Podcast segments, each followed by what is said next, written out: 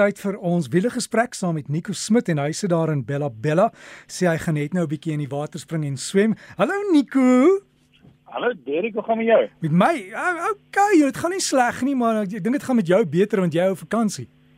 Ag jonge, kamp bietjie vir die naweek en dit is dan baie lekker om uh, net so rustig te kamp en 'n lekker koffie in die oggend te drink as die son opkom. So nee, dit dit is 'n baie rustige naweek.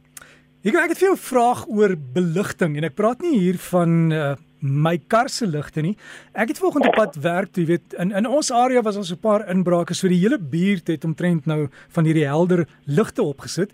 Maar baie van die goed skyn oor die mure van die huise in die pad en as jy om 'n hoek kom, jy kan net mooi niks sien as daai ligte skyn nie.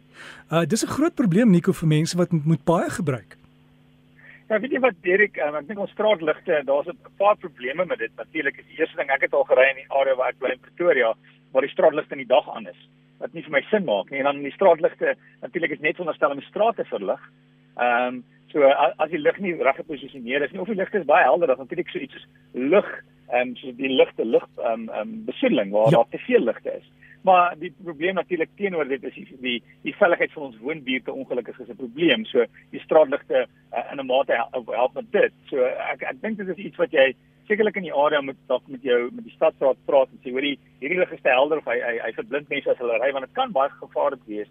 En dien jy ry en jy word verbind deur 'n straatlig en jy kan nie eintlik sien wat om jou aangaan nie of hmm. jy kan nie sien in die pad nie en miskien is daar 'n slaggat of iets. Ja en, en en ook ek praat hier van huiseienaars wat soveel van hierdie spreiligte ah, opsit.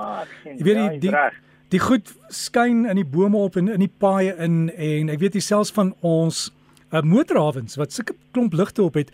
As jy verbyry in die aand, jy is verblind vir 'n paar sekondes. Dis verskriklik gevaarlik. Dis reg, ek dink ongelukkig is, is ligbesoedeling 'n groot probleem in Suid-Afrika. Mense sê hulle bly byvoorbeeld in die Kaap, dit is baie lekker om daar by hulle te gaan kuier want daar's baie min ligte aan en dis my die lekkerste ding om in die aand te slaap wanneer dit pikdonker is en ek gordyne oopmaak en dit is pikdonker. Dis ongelukkig nie altyd die realiteit in Suid-Afrika nie. So as jy gaan ligte by jou huis opsit op 'n muur of so, maak seker dit skyn af en dit skyn nie in die pad nie. Gaan kyk in die aand in jou omgewing. En dan Nico, jy het ook 'n ding gehad oor die die chips. Jy het gesê wat? Ja, dit gaan oor ek het 'n vraag oor eh, 'n uh, persoon wat 'n Fortuner het, 'n D4D 2012 model met 160 000 km wat al uh, mooi ingeloop is en hy vra om die brandstofpryse is nou baie hoog en dit is 'n probleem. Gaan dit help om um, met uh, remapping? Hoe veilig is hy is remapping en kan hy goeie resultate verwag? So, uh, hoe 'n voertuig werk in hierdie geval die diesel Fortuner is mens meng brandstof en lug um, en onder onder druk gaan die brandstof self um, ontbrand of met 'n petrolkar het mense 'n vlammetjie om om dit om dan ontbranding te laat veroorsaak. Met ander woorde, is 'n mengsel van lug en brandstof, in hierdie geval lug en diesel.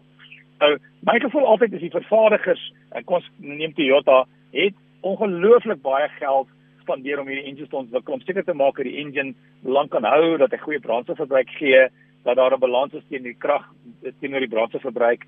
Um, ons kyk na die sekere hoeveelheid uitlaatgasse. So Wat remapping dan doen is hulle verander 'n bietjie die profiel van hoe hierdie engine krag ontwikkel. So dit mag wees dat mense byvoorbeeld met ehm um, wanneer hulle wat praat nou hier van spesifiek van kom ons sê remapping remapping, dan wil praat ook van chipping.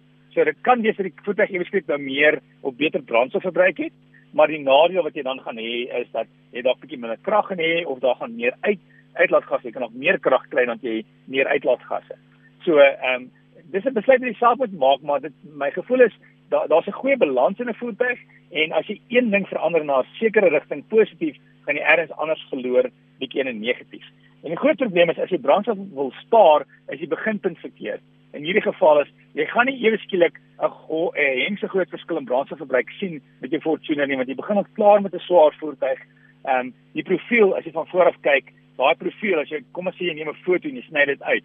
Hoe groter daai profiel is, dit het alles 'n te maak met die brandstofverbruik. Die hoe hoe aerodinamies die voertuig is, het te maak met die brandstofverbruik. So dalk dit kan wees dat mense wen, maar as jy regtig wil brandstof spaar, begin dit ongelukkig met 'n kleiner engine en 'n kleiner motor of 'n meer aerodinamiese motor. So dit is iets wat jy kan oorweeg, maar onthou daar's altyd iets wat positief gaan wees en ergens gaan daar iets wees wat moontlik negatief kan wees. Die volgende vraag, ehm um, of my laaste vraag vir die dag, gaan oor uh, elektriese voertuie um, teenoor binnebrand engines. Hierdie persoon het my verwys na toets wat onlangs gedoen is op Geritech ehm um, se Westwoodbaan. Het hulle drie elektriese karre gehad en die die elektriese karre het 120 km/h net om die om die om die uh um die ovaalbaan gery, die high speed oval soos ons daarna verwys, um teen 120 km/h om te kyk wat die ryk-afstand is. Um maar een ding wat mense moet onthou vir al die elektriese karre is hulle as jy teen 'n konstante spoed beweeg, gaan die afstand baie minder wees as byvoorbeeld wanneer jy in die stad ry. En selfs hierdie toets is nie ek dink 100% akkuraat nie want vir 'n elektriese motor um maak hulle ook staat op um die batterye weer laai wanneer jy rem of wanneer jy self net die petrol los. Hulle praat in Engels van regenerative braking. Um dis maar effektiewelik hoe 'n dinamo werk. Met ander woorde, 'n uh, elektriese motor het energie in sy battery. Wanneer jy dan ry, gebruik jy die die, die energie om die elektriese motor aan te dryf, maar sodra jy die petrol los of 'n sekere elektriese kar sodra jy rem, dan dan dan ehm um, draai polariteit om so die energie in die elektriese motors laai dan weer die battery. So die rykafstand hier is nie 100% akkuraat nie omdat jy teen 'n konstante spoed ry en daar's nie afdraandes of verkeer waar jy rem en weer energie terugsit nie. So hou dit altyd in gedagte.